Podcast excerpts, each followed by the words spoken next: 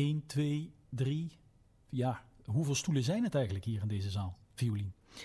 Uh, in de zaal zelf 180, maar als je het balkon erbij neemt, zitten we wel op 320 en we kunnen hem uitbreiden naar 360 als je iedereen wil laten zitten. En heb jij een, een, vaste plek waar je altijd gaat zitten als je naar een voorstelling hier komt kijken? Nee, ik wacht, ik kijk hoe de mensen gaan zitten. Ik kijk naar hen en dan uh, kies ik aansluitend een plekje in de buurt. Wat er nog over is? Dan kijk ik wat er nog over is. Ik zorg wel dat ik een goed beeld heb, dat doe ik wel altijd, maar ja, ik, kijk, uh, ik, ik zoek mijn eigen plek. Ik laat eerst de mensen zitten en dan ga ik soms vooraan staan. Dan kijk ik naar ze en dan zeg ik hallo. Sommige mensen ken je en die verwelkom je en dan, uh, dan schuif ik aan. En wat is de allerbeste plek, als je dan toch mag kiezen? Ja, ik, ik ben toch altijd wel een beetje voor het midden, niet helemaal vooraan. Ergens het midden, uh, tweede helft in het midden, dat is wel mijn plek. Ik ben niet iemand die op de eerste stoel wil zitten vooraan. Sommigen hebben wel een vaste plek vooraan, ik niet. Wie zijn die programmeurs? Hoe werken zij? Wat doen zij in een jaar dat er eigenlijk niks te beleven valt? Dat ze nergens voorstellingen kunnen voorproeven omdat er niks doorgaat en ze toch een nieuwe programmering moeten maken. Nou, die programmering is rond en de programmeurs komen zich hier aan mijn tafel verantwoorden. Wie zijn zij? Wat hebben ze bedacht? En wat kunt u het komende seizoen in Parkstad Limburg Theaters beleven? Luister naar deze kleine, bescheiden, maar razend interessante podcastserie. Violine moet een heerlijk gevoel zijn om gewoon weer in het theater te kunnen zijn. En wij zitten hier ook zonder mondkapje. We zijn hier nog naartoe komen wandelen zonder mondkapje. Voelt het weer als van ouds? Um, jawel, het gaat heel snel. Ik heb uh, deze week ook alweer een voorstelling gezien. En vanavond ook weer één. En, en morgen Wat, live? ook. Fysiek ja, gewoon? live, gewoon fysiek live. Ik moet zeggen dat... Um, dat het wel heel bijzonder was om, om het weer te zien. Afgelopen dinsdag was dat. En uh, um, en, en om dat weer te ervaren, ook al zit je als een gatengaas, want dat is nog wel zo. Hè? We, zitten in, uh, we zitten echt wel verspreid. Maar de live ervaring, die is echt wel anders. En ik heb in coronatijd één keer een voorstelling meegemaakt, ook live. En toen kreeg ik echt even een heel emotioneel gevoel. Met name toen de acteur, er was een acteur in dat geval, echt opkwam. Toen denk ik, oh hij staat er echt.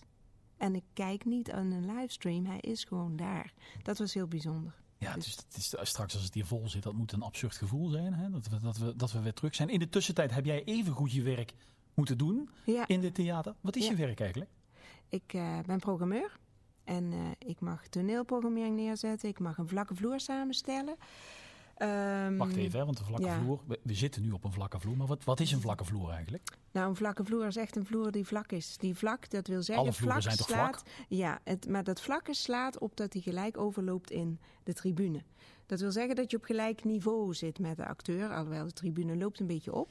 Maar uh, je zit, het, het, gaat om die nabijheid. Dat je dichter op die voorstelling zit. Dat je daarmee een intiemere ervaring beleeft. En dat past bij, heel goed bij de maat van voorstellingen die ik in die serie zet. Dus dat zijn per definitie wat kleinere voorstellingen. De grote spektakelstukken die die hebben daar geen baat bij. Nee, precies. De grote spektakelstukken die zie je vaak in de lijst. Dus die zijn dan al omkaderd, zeg maar. In, in de grote zaal. In, in de grote ja. zaal. En dat is bij vlakke vloervoorstellingen niet. Dus je moet ze er wel op, op kiezen. Het zijn kleine tot middelgrote voorstellingen. Want ik zet er ook dansvoorstellingen neer. En die hebben vaak alweer die ruimte nodig. Dus het is uh, middelgroot. En er kunnen ook best wel wat mensen op toneel staan. Of het is muziektheater. Dan heb je een ensemble erbij met acteurs. Um, maar het gaat om de beleving. En jij programmeert die voorstellingen voor het PLT. Ja. Um, betekent dat dat je de hele jaar gewoon thuis zit te denken van wat zal ik eens gaan, zal ik gaan programmeren? Dat je dan informatie googelt en dat je af en toe eens iemand belt van heb jij nog wat gezien? Dat is wat ik me voorstel. Um, nou, we hebben in de coronatijd natuurlijk zo op die manier een beetje moeten werken. Maar dat is absoluut een verarming van, van wat ik deed. Want het gaat erom dat je zelf veel ziet. Dat je, in mijn geval, ik zorg dat ik bij ben als het gaat over wat gebeurt er op theater, uh, op, op theatergebied, op toneelgebied. Wat gebeurt er op dansgebied. Dus je moet die twee disciplines helemaal volgen eigenlijk. Dat is, dat is wat ik voortdurend doe. Hoe dat doe je, doe je door naar voorstellingen te gaan. Dus het is heel normaal om drie keer per week in het theater te zitten. Uh, eigenlijk het hele jaar rond. Misschien in de zomer net wat minder. Uh, maar vooral live gaan zien. Heel veel netwerken, want je netwerk heb je ook nodig. Want je kunt onmogelijk alles zien. Dus je werkt ook met mensen die je kent, die voor jou een referent zijn. Daar heb je het over. Met impresariaten maken natuurlijk al een bepaalde selectie. Kun je ook al gebruiken als tool. Maar verder een stukje achter de computer, zo je wilt, voor wie zijn ze precies, waar komen ze vandaan, wat was hun idee als je dat niet allemaal uh, meekrijgt of nog niet wist. Maar het live aspect is wel een hele belangrijke. En dat hebben we in coronatijd alleen maar des te meer gezien. Al werden er hele goede dingen via livestream gedaan. Dat wel, dat moet ik ook zeggen. Als je in een regulier seizoen, hè, als je dan, uh, ik noem maar eens wat, 100 voorstellingen zou boeken. Hoeveel van die voorstellingen zou, heb je dan echt live zelf gezien? Nou, um, van tevoren. Eigenlijk een groot deel niet, moet ik eerlijk zeggen. Dus je kijkt echt gewoon naar het verleden. Je kijkt naar een maker of je kijkt naar acteurs. Van wat hebben ze gedaan en wat is een idee? Dat zoek je op. En vervolgens heb je bagage van eerder werk eventueel. Of mensen met wie ze hebben samengewerkt. Want veel wordt nog gemaakt. Ik boek best wel veel blind. Soms is dat vanuit een traditie, omdat je die maker altijd boekt. Dus het nieuwe stuk wat nog gemaakt moet worden, boek je. Dan denk je dat is sowieso interessant. Dat is sowieso interessant. Je hebt vertrouwen in de maker, je hebt vertrouwen in het idee. Gaat niet altijd helemaal goed natuurlijk, maar nog altijd die basis, die is er geweest. Er zit wel een soort van screening op, maar ik heb lang niet alles gezien. Dat gebeurt pas vaak pas op die avond in huis. Nu met corona hebben we veel doorgeplaatst en daardoor hebben we ondertussen best wel wat gezien. Maar doorgaans niet. Nee, is het voor mij ook net zo nieuw als uh, voor de mensen in net de zaal. Net zo nieuw en misschien nog wel veel spannender. Want jij zit dan in die zaal en al die mensen om je heen die zitten daar omdat jij iets hebt geboekt. Waarvan ja. jij dacht toen het nog niet af was van dat wordt mooi. En dan zit je hier en er zijn natuurlijk ook momenten dat je denkt van oh, oh mijn god. Ik, uh, Wat heb ik gedaan? Ik, uh, ik herken dat. Ja, ja, dat is absoluut waar. Ik zeg ik herken dat, maar ik heb dat absoluut. Ik ik, uh, ik voel me behoorlijk verantwoordelijk daarvoor. Dat kan ik je absoluut zeggen. En ik ben ook heel erg aan het letten op hoe de mensen reageren. Um, oh, soms echt, ben ik ja? absoluut overtuigd van wat ik heb geboekt. En dan weet ik ook dat dat niet iedereen gaat pleasen. Dat kan heel goed. Dat is ook helemaal niet erg als het maar iets doet. Dat is denk ik uh, de hoofdmoot. Alleen, um, ja, ik, ik wil nog wel eens... Uh, een beetje het randje opzoeken, de grens opzoeken. Dat is ook een beetje, zie ik ook als mijn taak. Ik vind dat zelf heel belangrijk. Ook in de podiumkunst, dat je blijft innoveren, dat je blijft zoeken en dat je blijft uh, ja, vernieuwen toch. En, en ook de nieuwe makers ook kansen geven, nieuwe mensen. Ik vind het heel belangrijk. Wat ja. is dat dan voor een randje dat je opzoekt? Is dat een Nou, randje dat van het tevoren- betamelijke of van een randje van kwaliteit of van experiment? Niet kwaliteit, liever niet. Hè. Dat moet eigenlijk wel vaststaan. Alleen eh, kwaliteit kan verschillend gewaardeerd worden. En kwaliteit is ook niet altijd aangenaam, per se. Dat hoeft niet. Hè. Het moet iets met je doen. En soms is dat, eh, dan kun je daar heel boos van worden. Ook, kan ook een reactie zijn. Maar dat is ook goed. Dat is goed. Dat is helemaal niet erg. Zeker niet.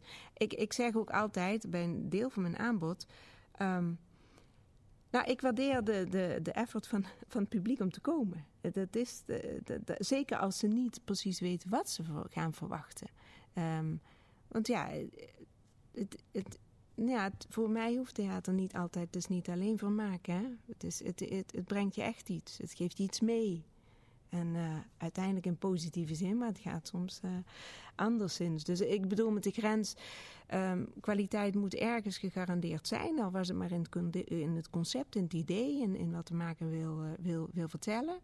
Maar ehm, ja, en de grens van het schuren, eh, een beetje het randje opzoeken in wat je, je soms zo- eh, dan spiegelen ze aan het publiek en dan word je, wordt je iets opgelegd alsof jij zo zou denken of zou zijn. Of ja, je bent het niet mee eens wat er, wat er Mhm. gebeurt op toneel. Of, of het blijft heel erg in het conceptuele hangen. Dat kun je bij dans natuurlijk veel tegen. Dat kan bij muziek ook. Dat is niet altijd. eh, Heb je, kun je dan in kerkraden minder ver gaan dan in Heerlen? Of in kerkraden juist verder dan in Heerlen? Dan let ik niet zo Dat op. speelt niet mee. Nee, ik kijk naar de zaal. Ik kijk naar de zaal, ik kijk naar de ruimte. Ik kijk wat nodig is voor die voorstelling om goed tot zijn recht te laten komen. Dat vind ik het allerbelangrijkste. En de rest daar rondom, daar zijn wij verantwoordelijk voor. Met de manier waarop we communiceren. Met door echt te zijn, door ook eh, zichtbaar te zijn. Door als mensen willen reageren, dat ze dat ook kunnen doen. Want op zich wil ik dat graag terug horen. Zowel negatief als positief natuurlijk. Ehm, en nee, ik vind dat het er voor beide huizen. Het gaat echt, nee, wat dat betreft, let ik daar niet zo heel erg op. Mo- Moet een programmeur zijn eigen smaak uitzetten of juist gebruiken? Ik gebruik hem wel. Ik, heb, ik, ja, ik, ik, vind, ehm, ik vind dat onderdeel van mijn werk ook eigenlijk. ehm, ik vind iets. Ik wil dat graag meegeven, omdat ik daar een reden voor heb. Dus ik gebruik mijn smaak ook. Ik heb wel ook gewoon een, een, opdracht in die zin. Van ik moet ook wel theater aanbieden. En het hoeft niet, het is niet alleen mijn strijdje. Want ik ben natuurlijk, ik vertegenwoordig niet iedereen. jij moet er eigenlijk voor zorgen dat die 300, jij moet eigenlijk de smaak van die 300 mensen eh, zeker personificeren. Ook, zeker ook. En dat doe ik ook. Maar ik heb gelukkig wel, bijvoorbeeld in die vlakke vloer, mag ik ook wel een beetje van mijn smaak erin zetten. Ik mag, ook, ik mag daar wel iets. En dat, dat vind ik juist heel erg prettig. Uh, en volgens mij is dat ook oké. Want um, ja, we, zien ondertussen best wel heel erg veel. Dus we zijn er toch al heel erg lang mee bezig. En ik heb daar ook wel een idee bij van wat ik, wat ik daarmee wil. Ook in de lijn van voorstellingen die ik doe. En in de ontwikkeling, in, de, in, in, in wat je door het jaar heen programmeert en door de jaren heen. En eigenlijk wil ik mijn publiek meenemen. En de vlakke vloer hoop ik ook dat mensen gewoon vaker komen. Gewoon blind? Ja, en bijvoorbeeld doordat je, doordat je een, een, eh, drempelverlagend werkt als bijvoorbeeld zeggen van uh, met, met bijvoorbeeld zo'n kompas. Of, of dat je oproept om, om het avontuur op te zoeken. Een kompas is dat je een paar voorstellingen, uh, dat je daar blind naartoe gaat, dat je een kaartje koopt voor een aantal voorstellingen. Uh, het kompas is eigenlijk letterlijk een, een, een kompas die je aanschaft. En als je die eenmaal hebt, dat kost een bedrag. En dan als je die eenmaal hebt, dan kun je door het hele seizoen heen... kun je, we streven naar tenminste 75 voorstellingen zo boeken. Dus daar hoef je niet nog voorbij te betalen.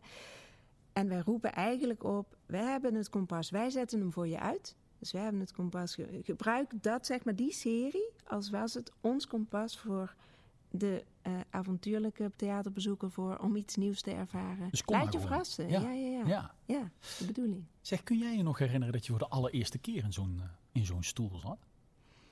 In een theater uh, was? Ik zelf als persoon. Ja, als bezoeker. Als bezoeker. Als bezoekertje, denk ik dan. Als bezoekertje. Um, ja, ik kan me als, als kind in het theater weet ik niet. Ik, ik uh, zelf wel aan muziek, dus ik weet nog wel. Het zal eerder een, een concert zijn geweest, klassiek dan dat het een theatervoorstelling is. Als, maar ik als, muziek, als, als, als muzikus, muzika, muzika, nou, muzikant? Ja, ook dat, dat hoorde erbij. Maar ook om een keer te gaan luisteren. Dus ik denk dat we eerder als kind, maar ik kan me dat niet meer zo goed herinneren... Uh, wel eens een concert hebben bezoekt dan een theater... Uh, een theaterbezoek hebben gedaan. Alleen mijn ouders vonden bij de opvoeding horen dat zo rond onze zestiende, dan nam, uh, dan nam een van de ouders ons mee naar een toneelvoorstelling. En ik heb toen, uh, dat was volgens mij een soort plezier, ik was 16 op de toneelacademie in Maastricht. Daar heb ik toen, denk ik, mijn eerste voorstelling gezien in, in, in theater. Dus dat was, dat was toen. Ja, maar dat was niet het moment dat je gegrepen werd door de magie van die stoelen en een podium en wat lampen en wat dat teweeg kan brengen. Ja, ik, ik denk, jawel, het live aspect heeft mij toen wel geraakt. Dat iemand daar zat, dat dat een acteur was en zo. Dat, dat wel. Nee, zeker wel. Zeker wel. Maar het echte ervaren daarvan, um, wat je meegeeft, dat zal toch wel iets later zijn geweest. Veel later zal het niet zijn geweest, want ik heb uiteindelijk ben ik theaterwetenschap gaan studeren in Utrecht. En ik heb toch. Uh, uh, ja, wij deden aan, aan, toneel ook op school. En ik vond dat leuk en ik, dat andere dat moest. En toen dacht ik, ja, ik wil toch wel iets leuk gaan doen wat ik leuk vond. Dus ik ben en maar theaterwetenschappen gaan wat leer je eigenlijk als je theaterwetenschappen ja, gaat doen? Hele goede vraag, hele goede vraag. praktijk vind ik vooral heel erg belangrijk daarnaast. Ja, van alle kanten bestudeer je het fenomeen theater. Dat plaats je in een historische context, een sociale context. Uh, en in, in, echt, echt heel verschillende. Vervolgens geef je je er eigen vorm aan. Ik ben vervolgens zelf geen wetenschapper. Ik ga daar niet in onderzoeken, dat doen er veel wel. Dat heb ik dan niet gedaan. En, uh, ik maar, ben maar leer je ook echt naar stukken kijken en, en theater, toneelstukken analyseren? Ja, tuurlijk. En de je haalt helemaal uit elkaar. De dramaturgie heb ik ook een aantekening voor, een specialisatie. Tuurlijk, je kijkt naar die spanningsboek. Je kijkt wat er gebeurt op toneel. Je kijkt waar, waar bestaat een stuk uit. Je gaat hem analyseren. Je kijkt inderdaad eens een oud stuk naar een historische context. Ja, dat doe je wel. Ja. En dan, uh, dan ben je daar klaar mee. En dan ligt die theaterwereld eigenlijk voor je open. Dan, kun je, dan kun je de wetenschap in, maar je kunt ook alle facetten van het theater waarschijnlijk gaan, bedienen. Het podium longt dan blijkbaar niet. Je bent niet. Nee, dus, maar dat is. Dat, ja, dat nee. is niet waar je als theaterwetenschapper voor wordt opgeleid, dat weet ik wel. Maar dat, je proeft er voortdurend aan. Ja, maar dat, ja, dat, dat, dat, dat zit niet in mij. Ik, uh, ik ben daaromheen. Ik faciliteer eerder. Dat is, dat, heb, dat is liever mijn rol voor mij dan. Ik, sta, ik, ben niet, uh, ik ben zeker geen podiumdier. Ik kijk naar, heel graag naar wat theater doet. En ik wil uh, mede mogelijk maken dat zij dat wij op die manier, dat we dat medium gebruiken om mensen iets mee te geven. Omdat ik daar, ik zie daar zoveel en ik krijg daar zoveel van mee. Ik vind dat ongelooflijk verrijkend. Dat is hetzelfde als lezen of, of ja, muziek luisteren dan thuis ook. Mm Dat theater is net zoiets. Dus niet Ja. het podium, niet de eerste rij, maar ergens een beetje veilig achteraf. Ja, En dan wel verantwoordelijk zijn wel voor wat er verantwoordelijk eigenlijk... zijn. Ik, nee, ik denk wel dat ik mijn verantwoordelijkheid neem. Ja, ja, ik wil het wel terug horen. En ja, ik wil wel die confrontatie aangaan. En, Ik heb ja. hier de, de lijst voor me van alles Ja. wat er nu geprogrammeerd is. De mensen kunnen dat thuis eh, trouwens rustig nakijken op eh, plt.nl. Daar staat alles. Mhm. Daar staan ook al jouw toneelvoorstellingen, vlakke vloervoorstellingen, dansvoorstellingen die jij geprogrammeerd hebt. Het is toch nog een, het is een hele lijst. Het is een hele lijst geworden. Het is een volwaardige programmering geworden, Ja. ondanks corona en alles wat ermee samenhangt. Ja. Ehm, zou je er eens eentje uit kunnen pikken? Waar, waar, waar, waar? Ja, zeker. Even kijken. ehm, eh, ja, nou, ik vind eigenlijk de aftrap van het seizoen voor mij dan, die wil ik, eh, dat vind ik een hele interessante. Dat is eh, een, een, een drieluik van Nazardine Char. Ehm, eh, drie voor solovoorstellingen die hij al eerder heeft gemaakt. Die gaat hij in een middag in ons geval, want het is op zondagmiddag. Gaat hij die achter elkaar spelen. Tussendoor eten we allemaal samen couscous. Eh, het is een eh, kind van Marokkaanse ouders. Ehm, en dan neemt hij ons mee hoe het is om als inderdaad een kind van Marokkaanse ouders in Nederland te leven, te werken, te zijn. In zijn land, zo ervaart hij dat ook. En hij vertelt dat hij doet dat met humor, maar ook, ook, ook er zit ook ontroering in. Ik vind het heel mooi gedaan en hij focust op eh, eerst zijn moeder, dan zijn vader en dan zijn vrouw. En hij, doet dat, eh, hij, hij vertelt heel goed. Hij neemt je echt mee en ik vind het een hele fijne manier om op die manier om met die voorstelling zeg maar, het eh, seizoen af te trappen. Voor mij dan voor toneel. We zijn al lang begonnen en we gaan nooit dicht. Dus wat dat Maar daar denk je ook nog over na. Hoe, of, over hoe dat allemaal met elkaar samenhangt, dat wat jij programmeert. En wat er dan eerst moet en wat er dan halverwege moet. Je bent natuurlijk ook afhankelijk van de agenda's van Precies. al die, die mensen die je boekt. Nee, dat zeker. We kijken wel naar een spreiding hoor. Ik, ik, ik, ik moet natuurlijk wel naar een spreiding kijken. Ik moet mensen, eh, dat moet, eh, moet natuurlijk niet alles in, in, in één week zetten of in één maand. Je bent gebonden aan wat, eh, wanneer een voorstelling wordt aangeboden. Ja, natuurlijk. Maar soms kan het zo zijn, als ik al veel heb staan, dat er dan iets niet past. Eh, maar goed, eh, inmiddels heb je zo je contacten en je belt dus. En je kunt best wel veel voor elkaar krijgen als je echt iets wil. Want wat ik ook nog wel leuk vind om te noemen... en waar we ook echt wel trots op zijn, is, eh is Aust Faust, de voorstelling van het Nationaal Theater. De Boermans. Van Teu Boermans. Dat wordt zijn afscheidsvoorstelling bij het Nationaal Theater. Eh, dat wordt een, een hele grote productie, zoals hij ze heel vaak maakt. En die gaat een hele in première. Oh, wauw. Dus dat is echt Niet fantastisch. in Venlo, hij komt van Venlo. Waarom, waarom niet bij ons in ja, Venlo? Ja, ja, ja. Nou, het is in Limburg. Dat Oh is toch oh wel goed, Oh hè? ja, dat is dan wel Ja, goed, voilà. Nee, en, maar ik bedoel maar te zeggen, dat is een gevolg van een goed contact wat je met een gezelschap hebt. Dus En wat daar, je zit- daar opbouwt investeer je in door de jaren. jaren heen. Ja. Absoluut. En wat betekent dat dan, dat hij hier première komt doen? Wat heeft dat voor Nou, gevolg? hij is, eh, ze zijn ze, want het is echt een heel. De, de Toetie gezelschap zo ongeveer. eh, techniek, ze gaan hier afmonteren en dan spelen ze hier vier dagen. Afmonteren betekent zeg maar de laatste fase van het De repetitieproces. precies, de laatste fase van de voorstelling. Ze gaan bouwen, ze gaan generalen spelen, ze gaan hem eh, eh, in elkaar zetten, zeg maar, die voorstelling. Op dat moment komen alle puzzelstukjes bij elkaar, alle losse elementen. En dan eh, gaan ze hem hier vervolgens vier keer spelen. Ehm, en ja, het, het is, het is in de week, in de carnavalsweek, dat is ergens denk je, oei. Maar van de andere kant vind ik het ook wel weer heel prachtig. Want op as woensdag is dan de eerste voorstelling. En ik denk, als je je flink hebt uitgeleefd met carnaval. Als je je ziel aan de duivel hebt Voilà, verkocht. Dan ga je daar die catharsis in met die Oustfaust. Hè? Een nieuwe bewerking van Tom Lanois, overigens 21e eeuwse. Dus, eh, Van ja, Faust. Hè? Van Ja. Faust, precies.